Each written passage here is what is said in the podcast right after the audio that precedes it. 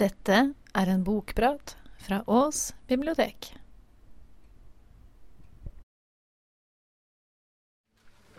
Jeg skal begynne med å snakke om eh, ei bok som heter 'Lotus Blues', skrevet av Kristina Olsson.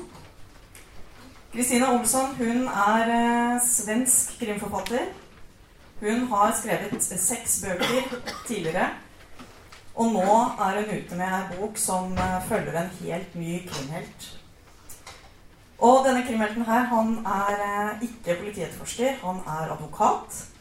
Og han heter Martin Brenner. Og i begynnelsen når jeg leste denne boka her, så tenkte jeg åh, jeg vet ikke om jeg orker, fordi han Martin Brenner han er så ufyselig. Han er så arrogant, og han er altfor kjekk, og han er altfor veltalende, og han får, får, får det alltid som man vil. Så jeg tenkte jeg vet ikke helt hvor lenge jeg holder med han. Men eh, det tok ikke så lange stunda, så begynte jeg å like Martin Brenner ganske godt. Og han kommer veldig lett til ting. Og én ting som Martin Brenner kommer lett til, det er damer. Han er veldig, veldig glad i damer. Men den dama han kanskje liker aller best, det er eh, henne som han deler advokatpraksisen sin med, nemlig Lucy. De to driver advokatkontor sammen. En ganske sånn eksklusiv bedrift eh, de har. Og en gang så var han og Lucy også et par. Og nå er de det vi kaller venner med fordeler. Det også er litt sånn Når man hører jeg fortelle det, så tenker man åh, litt sånn klisjé. Men uh, heller ikke her så tok det så veldig lang tid før jeg begynte å interessere meg for dette forholdet deres, og jeg ville dem virkelig vel i deres sånn famlende forsøk på å finne ut av hva de er, og om de skal ha hverandre eller ikke. Martin Brenner han har også en fire år gammel datter. Eller det vil si, det er ikke datteren hans, men det er egentlig niesen hans. For han overtok omsorgen for henne da søsteren hans og mannen hennes omkom i en bilulykke. Og også dette høres litt søkt og usannsynlig ut. At en eh, litt sånn rik, singel playboy-advokat skal ta seg av sin fire år gamle niese.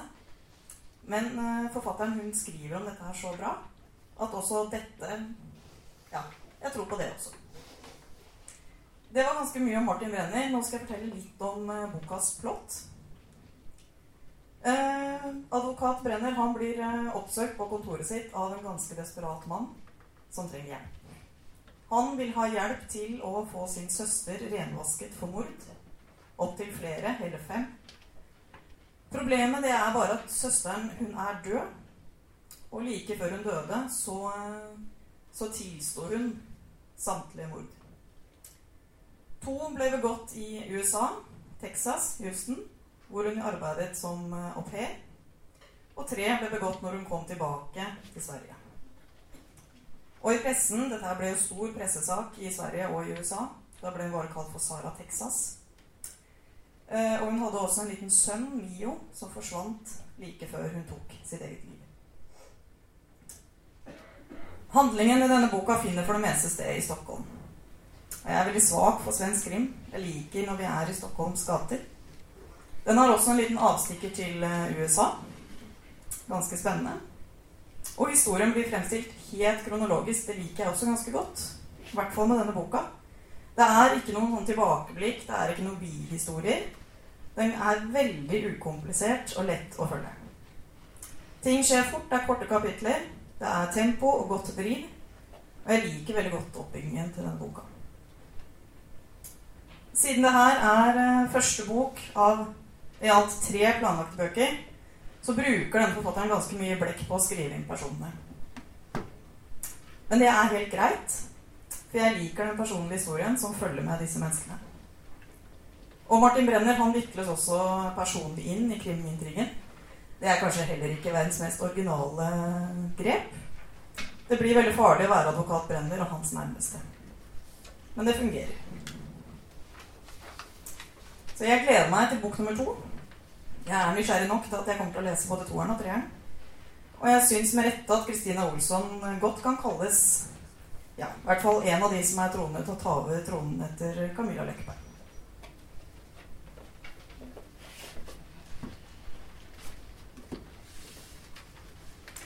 Den neste boka jeg skal snakke om, ser dere på papiret, det er eh, Anne Cleves med boka 'Havnen'. Eh, det kan godt hende at det er noen av dere som har sett på Fredagskrimmen og sett på Vera. Det har i hvert fall jeg gjort.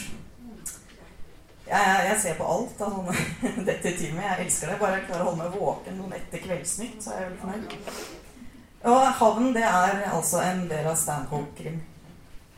Men Anne Cleese hun er kanskje mest kjent i Norge for sine bøker om uh, altså Shetland-kvartetten. Krimbøker fra Shetland. Der er det Nå sa jeg kvartetten, men jeg tror faktisk det har kommet fem bøker som alle er oversatt til norsk. Men det her er den første boka som er oversatt om Vera til norsk. Men det er altså den sjette boka på engelsk. Veldig populær i hjemlandet. Dette her er skikkelig god britisk kosekrim. Jeg likte denne boka veldig godt. For de av dere som ikke har sett Vera, da, den TV-serien, så kan jeg forklare at uh, Vera Stanhope hun er jo ledende politietterforsker. Og hun er en sånn type som kanskje omgivelsene og kollegaene ikke blir helt kloke på. Sånn rent fysisk så er hun ganske stor, og hun går i slagstøvler og lange frakker og ja, litt sånn, har litt sånn sjuskete framtoning, rett og slett. Så folk klarer ikke helt å plassere henne når hun er den som kommer og banker på presenterer seg som leder for, eh, for politietterforskning. Eh, men hun er alltid veldig vennlig mot de Altså, hun klarer liksom å komme i kontakt med folk. Men hun er bestemt. Og så er hun lynende smart, og så er hun litt for glad i det sterke. Eh, Veras kollega Joe Ashford han er hennes rake motsetning. Han er en pen, relativt ung mann. Ja, han er kanskje i slutten av 30-åra, men han er en veldig sånn ordentlig familiemann. Metodist er han også. Men disse to har et veldig, veldig godt forhold, og Vera hun har en egen sånn forkjærlighet for Joe. Eh, boka starter med at eh, Joe Ashworth og datteren Jessie sitter på T-banen. Det er juletider, det snør masse, og det er veldig kaotisk overalt hvor de snur seg. Plutselig så stopper denne T-banevogna, og alle får beskjed om å ja, dere må gå ut, fordi pga. snøen så kan vi ikke kjøre lenger og sånt nå. Og alle forlater vogna, bortsett fra ei dame, en eldre, elegant dame som sitter helt urørlig. Og det viser seg jo da at denne dama hun er jo død, og hun er også myrdet. Så Vera og Joe de drar til den lille byen Mardle. Det er noen veldig langt nordøst i England, ikke så langt fra Newcastle. Uh, for å finne ut mer om Margaret, som offeret heter. Margaret hun eh, arbeidet og bodde på en bed and breakfast. Og det er ingen som de snakker med, som kan forstå at noen ville Margaret noe vondt. For hun var vennlig, snill, pen, elegant. Og ingenting var galt med henne. Hun hadde ikke noen egen familie, men hun bodde hos familien som driver denne bed and breakfasten. Det er Kate Delaware og to tenåringsbarn. Og de var også veldig glad i henne og så på henne som et familiemedlem. Og Margaret engasjerte seg også frivillig i kirken og på et krisesenter for kvinner. Og heller her så er det ingen som forstår at det er noen som ville kunne gjøre Margaret noe vondt. Men så er det jo dette her som det alltid er i en krimgåte. At når eh, etterforskerne begynner å skrape litt i overflaten, så finner de allikevel ting. For folk de snakker med, likte kanskje ikke Margaret så godt som de først gir uttrykk for. Hun var kanskje akkurat litt for pen, hun var akkurat litt for elegant. Trodde kanskje at hun var bedre enn dem.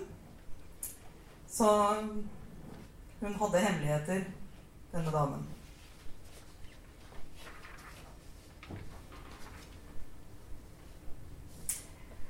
Jeg koser meg, jeg koser meg veldig med denne boka. Det er akkurat en sånn bok som du har lyst på til påske.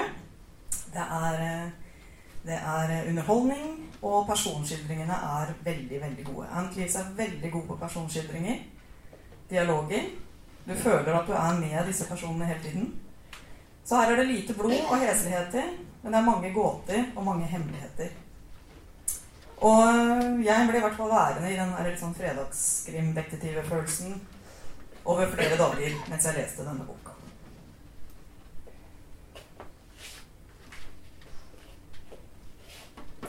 Den siste boka som jeg skal snakke om, det er en fransk eh, krimbok som heter 'Alex' av Pierre Lematre.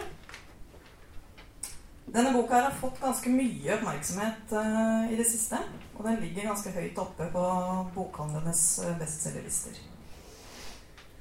Forfatteren han er uh, tidligere lærer i litteratur og skrevet mye manus for TV.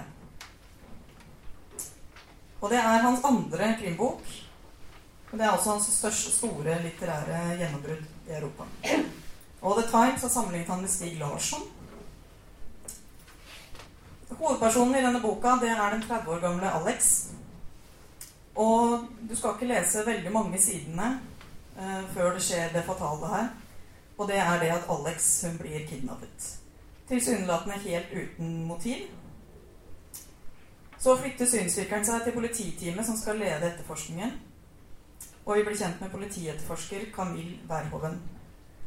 Og Verhoven han er en litt sånn eh, typisk eh, politietterforsker, syns jeg. Han har masse personlige problemer og er tverr og mutt og sur. Han er ikke mer enn 1,50 høy, men det stopper han ikke. Han, eh, han, klarer å møte de aller fleste mennesker på en veldig heteritær måte. Og boka skifter da mellom å følge den kidnappede Alex og hvordan hun har det, og dette polititeamet. Det må bare sies ganske tidlig at denne boka her er veldig, veldig rå. Den har veldig mange brutale skildringer eh, av hvordan Alex har det i den kidnappede situasjonen. Tortur, batterisyre og rotter er noen stikkord. Og jeg, jeg må innrømme at jeg, mens jeg ganske tidlig når jeg leste denne boka, så tenkte jeg skal jeg bruke tid på dette her? Bare fordi at denne boka er blitt såpass hypa, og den er sammenligna med Stig Larsson. Orker jeg det her? Eh, men jeg endret syn. Jeg måtte lese en liten stund, og så endra jeg syn. Eh, for det er en bok du må gi bitte litt tid, føler jeg. Og du må være forberedt på å gå inn i et mørke. Men etter hvert så tar den noen ganske heftige vendinger som gjør at du er nysgjerrig nok til å lese videre. Så den er guffen. Den er hardkokt. Og det er en sånn bok som det var veldig godt å legge fra seg noen ganger. Og tenke at du, jeg har et deilig fredelig liv hvor det skjer så lite skummelt. Men uh, den er absolutt verdt en lesning, altså.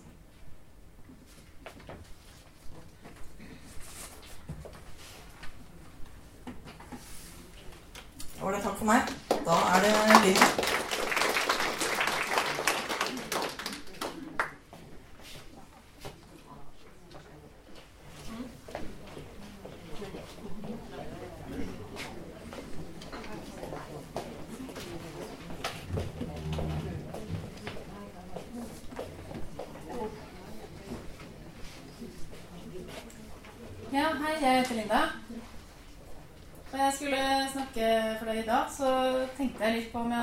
hva jeg hadde lyst til å snakke om. Og da fant jeg ut at krimbøker de er jo veldig ofte fra de samme landa. I Norge i fjor så kom det nærmere 50 krimtitler. I fjor så kom det vel rundt 50 krimmer i Norge av norske forfattere. Og så er det jo Sverige og Danmark. Og så har vi USA og Storbritannia. Det er de store krimnasjonene som blir gitt ut her i Norge. Men det kommer krim fra andre land også. Og noe av det blir oversatt til norsk. Så jeg har valgt eh, krim fra tre steder som kommer fra en litt annen synsvinkel enn vi er vant til. da. Og jeg begynner med den boka som heter 'En verden av fremmede' av Zoe Ferraris. I denne boka befinner vi oss av alle steder i Saudi-Arabia. I den boka begynner, så møter vi førstebetjent Ibrahim Sahari. Han er på vei ut i ørkenen, der man har funnet 19 kvinner begravd i ørkensanda. Kvinnene er først og fremst gjestearbeidere fra andre land, og det er nok grunnen til at ingen har savnet dem. Vi følger da jakten på det som viser seg å antagelig være en massemorder.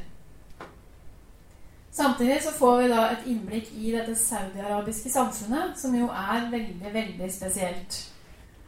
Eh, som et eksempel så kvinner kan jo ikke dra hjemmefra alene. De må kjøres overalt, helst av et mannlig familiemedlem. Som et annet eksempel så får eh, politietterforskningen har, er veldig moderne. Det er DNA-tester, og de har laboratorier og alt det. Samtidig så er det problemer som ikke er helt vanlige for oss. For så er det jo noen som mener at det er uanstendig å obdusere disse kvinnene. Førstepatenten han har en elskerinne som er forsvunnet, som han leiter etter, da, samtidig som han etterforsker denne saken. Og det må han gjøre i smug, i dyp hemmelighet, fordi i Saudi-Arabia så kan jo utroskap straffes med døden. Vi møter også en kvinnelig kriminaltekniker som heter Katja. Eh, hun er en smart dame og vil gjerne involvere seg i denne saken. Eh, men det skaper jo en del problemer. Det eh, blir ikke sett på med blide øyne at en kvinne involverer seg i etterforskning. Og hun tenker også mye på om det kan få konsekvenser for forholdet hennes til forloveden. Fordi man skal jo normalt ikke jobbe når man får familie. Her er det veldig lite action og blod. Det er mest fokus på disse menneskene og på selve etterforskninga. Og det interessante i boka er vel kanskje ikke egentlig kriminalsaken, for den er ganske tradisjonell. Men det er veldig spennende med et innblikk i et samfunn som er så annerledes og så uvanlig for en som meg, da. Eh, det er jo vanvittig opphengt i kjønn og ærbarhet. Og det er også en del tanker om dette med gjestearbeidernes lave status. Forfatteren har bodd flere år i Saudi-Arabia, og hun har kommet med flere kriminalromaner fra dette miljøet. Hvor er forfatteren fra? Det står faktisk ikke hvor forfatteren er fra. Det står bare at hun har um, bodd i Saudi-Arabia flere år. Men uh, jeg gjetter USA uten å ha slått opp. Fordi det står at hun flyttet dit rett etter den første Gulfkrigen. Og hun bor i San Francisco nå.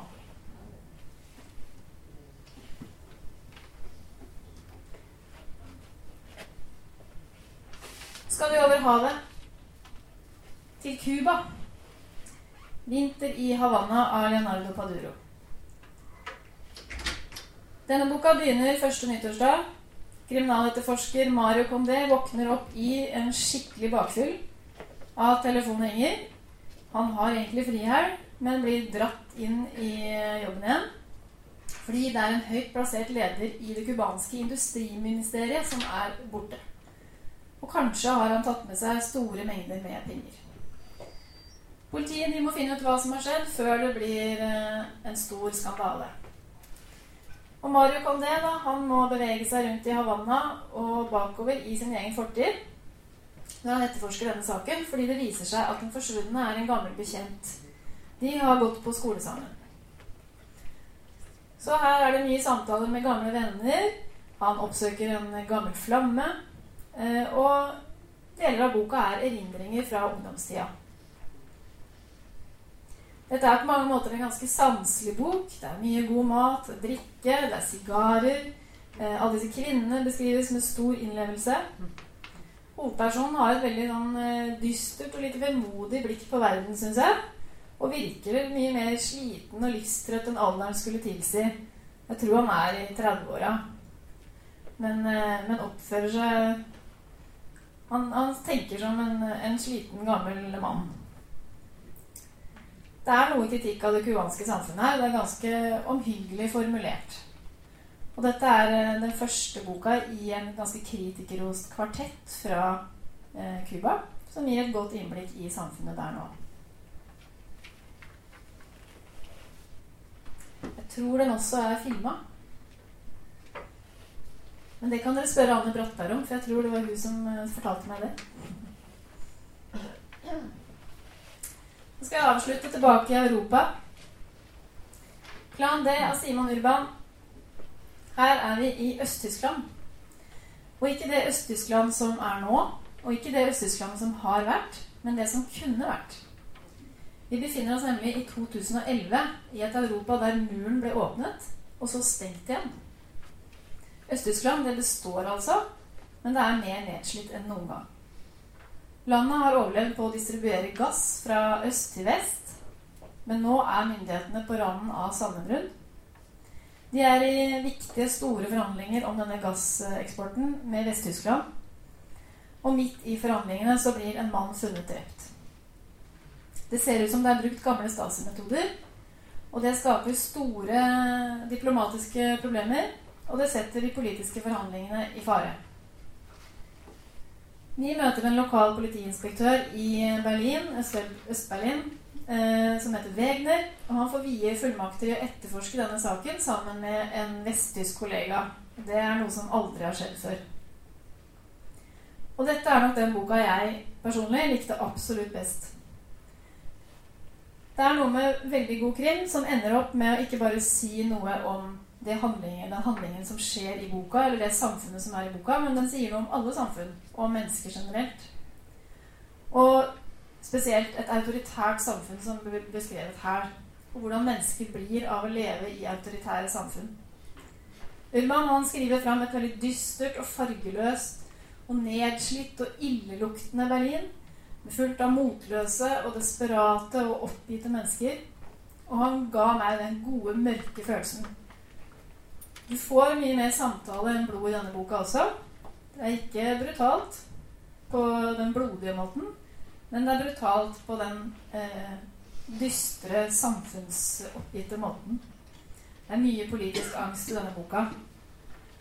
Så dette er noe for deg hvis du liker den klassiske, fortvilte etterforskeren som eh, blir mer og mer paranoid, ikke kan stole på noen, som lengter etter sin kvinne. Eh, og dette, alt dette isber da storpolitikk. Så jeg tenkte Le Carré.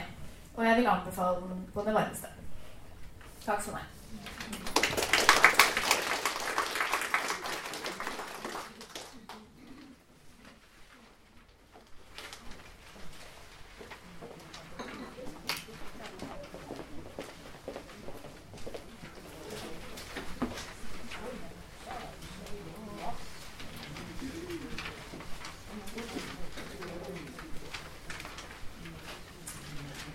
Jeg skal dra dere tilbake til uh, Norge igjen. Trude Teige, jenta som sluttet å snakke. Kajsa er hovedperson i Trude Teiges eh, kriminalbøker. Kajsa er journalist, men nå har hun eh, fødselspermisjon. Mannen hennes, Karsten, er politimann, men etter å ha blitt skutt på jobb og skada, så er han nå i permisjon. Han prøver å trene seg opp, men uh, det går sakte, så han er i ganske slett humør. De har nylig flytta fra Asker og til Lossvika. Ei lita bygd på Sunnmøre der Kajsa er, født og vokst opp. Og det er mye vær og vind her, så vi får liksom veldig mye frisk luft når vi leser denne boka. Og her håper de å få en ny giv, uh, alle sammen. Både barna og Kajsa og Karsten. Men i Lossvika så er det noen som en dag finner ei død kvinne i hjemmet sitt. Og hun, denne dama er datter av en predikant som ble drept for et par år siden. Og dette er et drap som aldri blir oppklart. Få dager etter forsvinner ei tenåringsjente som er ute og jogger. Og denne jenta er adoptert fra Afrika har aldri blitt akseptert av vennene sine og har vært utsatt for eh, massiv mobbing. Kajsa er eh, nysgjerrig av natur. Hun kjenner de fleste i bygda, og hun ser noen linjer som ingen andre ser. Karsten blir også dratt inn i saken. Og det å få være til nytte igjen og gjøre det han liker best, det gjør at han kjenner seg straks mye bedre. Her avdekkes forferdelige saker Barnemishandling utført i sterkt kristne miljøer og mobbing blant ungdom er ingredienser i denne romanen. Sånn sett så er det jo svært aktuelle temaer som blir tatt opp her. Trude Teige, forfatteren altså, hun er uh, sjøl journalist. Kanskje har dere sett henne på TV 2. Så, og det kommer tydelig fram her at hun veit hvordan uh, journalister jobber.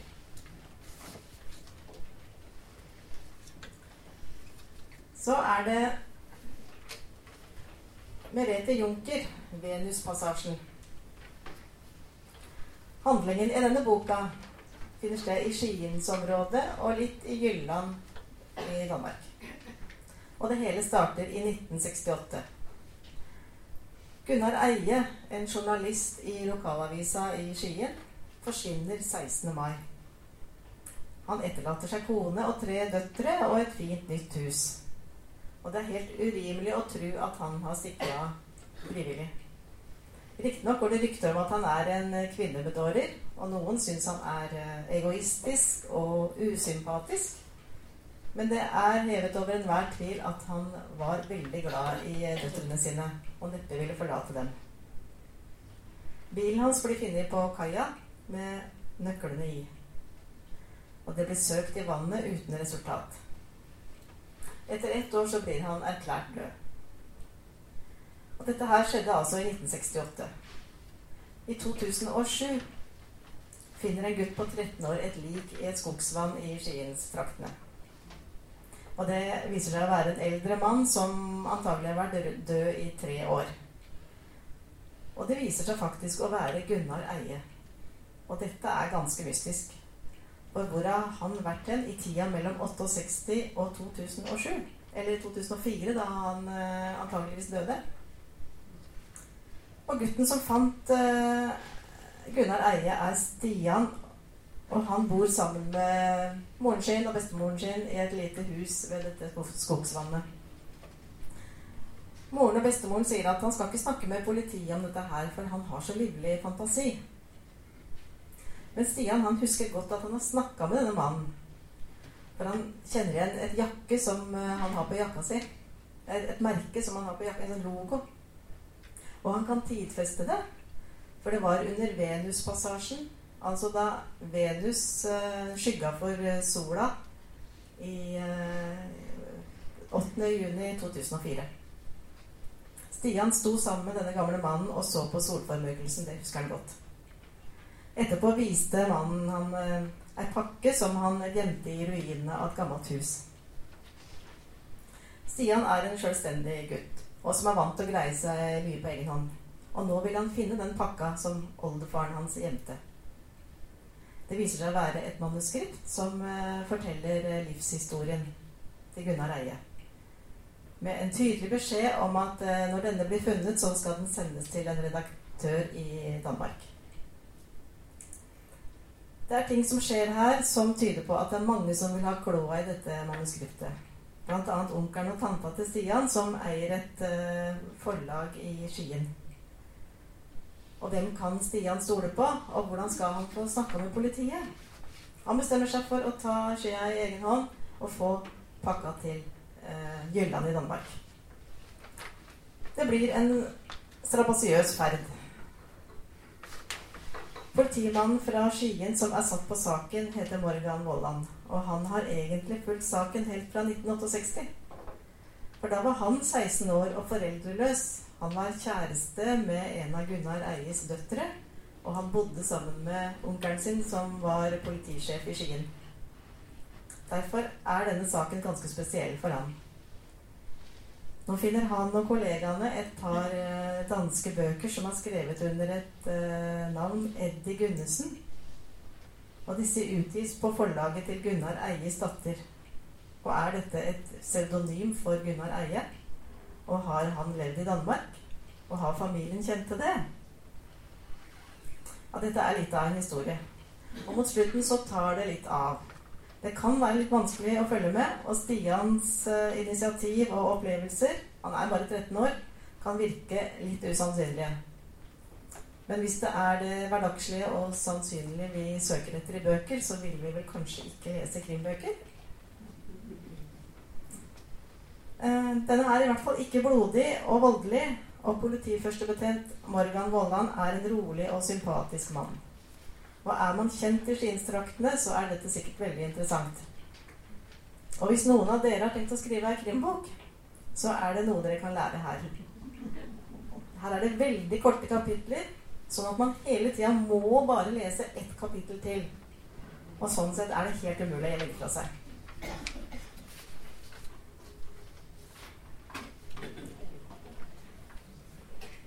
Jeg hadde egentlig tenkt å bare ta for meg norske bøker. Men så ramla jeg over den islandske boka 'De uønskede' av Yrsa Sigurdadottir. Og da greide jeg ikke å la være å ta med den. At det ikke blir en lykkelig slutt her, det skjønner vi allerede i første kapittel.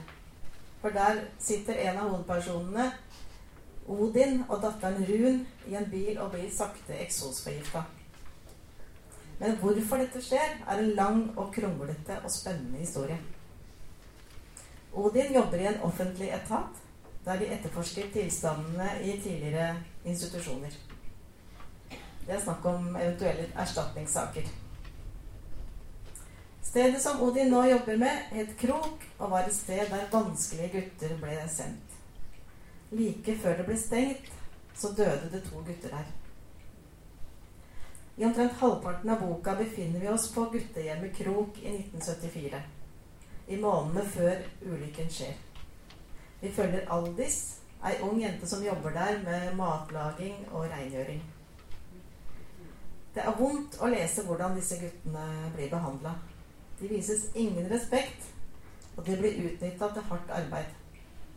All kontakt med familien er forbudt. Aldis ser dette og skjønner at dette er egentlig helt feil. Det er ingen som blir bedre av å ha det sånn. Men Aldis er sjøl en herda sjel. Hun har en tøff bakgrunn og viser ingen medfølelse med gutta. Allikevel får hun et kort eh, forhold til eh, Einar, en av de eldste guttene der. Og Einar er en av dem som seinere blir funnet død. Det er en nifs atmosfære i, uh, på guttehjemmet. Dels skyldes det at det går rykter om at de som eier det og driver det, en gang fikk et vanskapt barn og begravde det levende. Og dels tyder det på at noen uh, uh, sniker seg rundt nattestid. Odin går halvhjerta inn i jobben med å grave i disse forholdene. Han eh, overtar dette arbeidet etter en kollega som eh, døde, og han er ikke noe glad i å grave i andres papirer. Dessuten har Odin eh, nok problemer som han har. Ekskona er nylig død etter et fall ut av vinduet. Og Odin er blitt eneforsørger for dattera. Omstendighetene rundt dette dødsfallet til kona, altså, er noe uklare.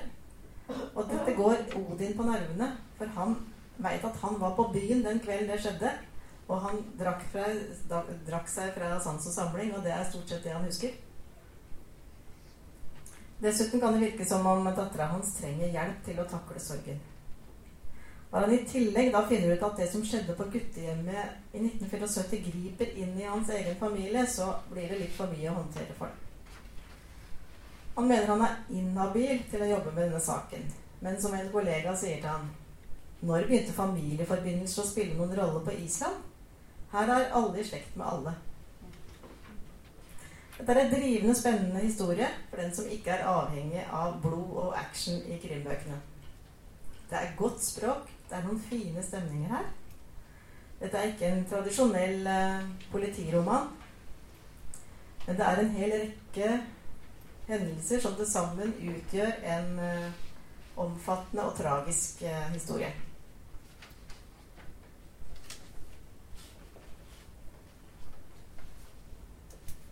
Så er jeg tilbake i Norge. Uh, Forfatterekteparet Tore Aurstad og Karina Vestberg har skrevet 'Nattevandreren'. Det spesielle med denne norske krimboka er at plottet utspilles i Kristiania i 1900. Februar måned. Og vi har ikke noe problem med å bli med på denne tidsreisa. For forfatterne beskriver veldig klart omgivelsene for oss. Bakerst i boka er det to sider med litteraturreferanser. Eh, over bøker og eh, artikler som de har lest om Kristiania på denne tida. Så dette er noe de kan noe om. Personene vi blir kjent med, heter uh, Wulfsberg. fullvektig Wulfsberg. Og det er betjent Nystuen, som begge jobber ved oppdagelse, oppdagelsesavdelingen ved Møllergata 19. Wulfsberg blir av kona overtalt til å være med på en, uh, et selskap der det skal bedrives spiritisme. Wulfsberg er i utgangspunktet veldig eh, skeptisk til det her. Men spiritisme er utbredt på denne tida her. Og det praktiseres og diskuteres seriøst i alle samfunnslag. Men uansett så blir dette her en ganske skummel kveld. Det er mange døde som taler gjennom eh, vertinnens eh, selskapets vertinne. Og en av de døde sier at det finnes et lik i et garveri i byen. Og litt beskjemma over å ha fått opplysninger på den måten her, så setter Wulfsberg i gang med etterforsking. Sammen med den noe rufsete betjenten sin. Det baller på seg. Det blir funnet flere lik. Og beskrivelsene vi får, er ganske gufne. Så i denne boka her eh, advarer jeg mot noen sterke scener.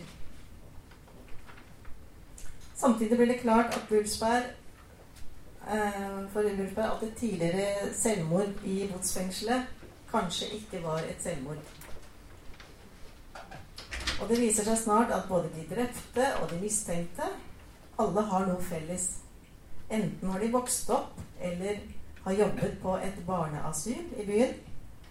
Eller så har de vært innsatt eller jobbet i botsfengselet. Eller begge deler. Jeg skal ikke gå inn på de kriminelle handlingene og bakgrunnen for dem. Og jeg må innrømme at jeg falt litt ut.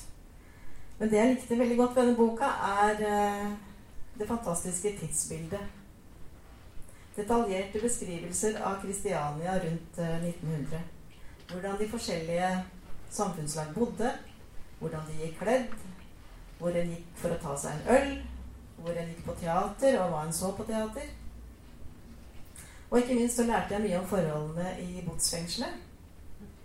Her rådde den filosofien at alle, alle fangene skulle isoleres. Det var helt ulevelige forhold der. Og fengselsdirektøren hadde all makt. Handlingen går litt sakte fram. Men det passer jo godt inn i tida, syns jeg. Det var ikke bare å skrive en mail eller en SMS eller slenge seg i bilen. Noen få hadde telefon, men skulle en snakke med noen, så måtte en enten sende et bud, eller en måtte få tak i en hestedrosje, eller så spaserte man. Det fantes noen få trykkelinjer i Kristiania på den tida. Språket er også ganske konservativt, men det syns jeg også passer. For en kommuniserte jo på litt annen måte da enn nå. Kan absolutt anbefales for de som liker historiske romaner. Og et tips er å starte med 'Blodpenger', som kom ut i 2013 av de samme forfatterne og de samme personene.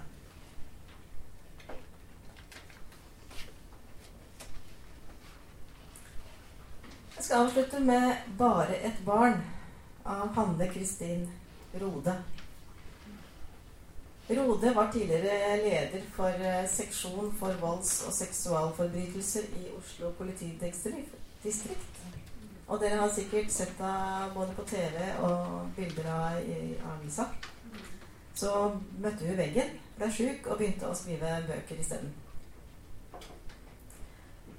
I denne boka så blir det funnet uh, to afrikanske gutter ved kanten av Akerselva oppe ved Frysja.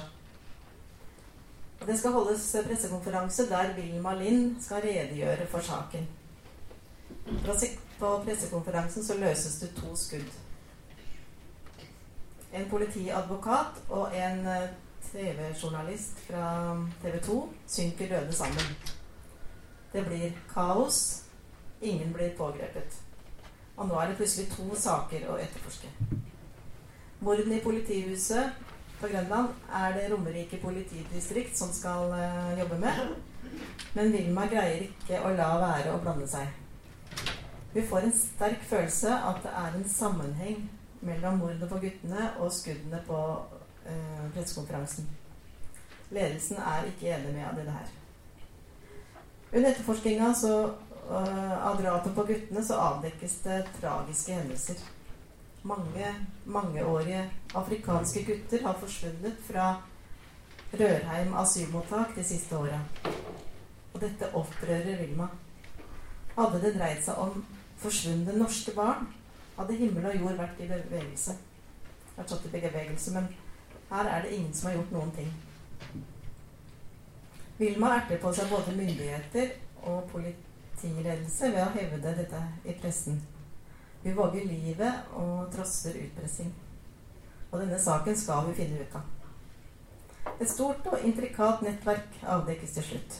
Et nettverk som har drevet mishandling og salg av afrikanske barn. Det er ingen tvil om at forfatteren kjenner politimiljøet godt. Vi får virkelig føle klimaet på politihuset. Her er det mange gode kollegaer med omsorg for hverandre. Men det er også minst like mange som er opptatt av makt og karriereklatring. Forfatteren har fått pepper for å skrive for knapt og overfladisk. Jeg syns det er godt nok til sitt bruk. Jeg fikk litt samme følelse som når jeg sitter og ser på Fredagskrimmen på NRK1. Noe jeg, jeg også veldig ofte gjør. Vi får en tragisk sak, en hektisk etterforskning med både gode og utfordrende kollegaer, samt en dæsj med etterforskernes problematiske privatliv. Og det er helt greit til avkobling, syns jeg. Det var vår dose med kriminalitet i dag.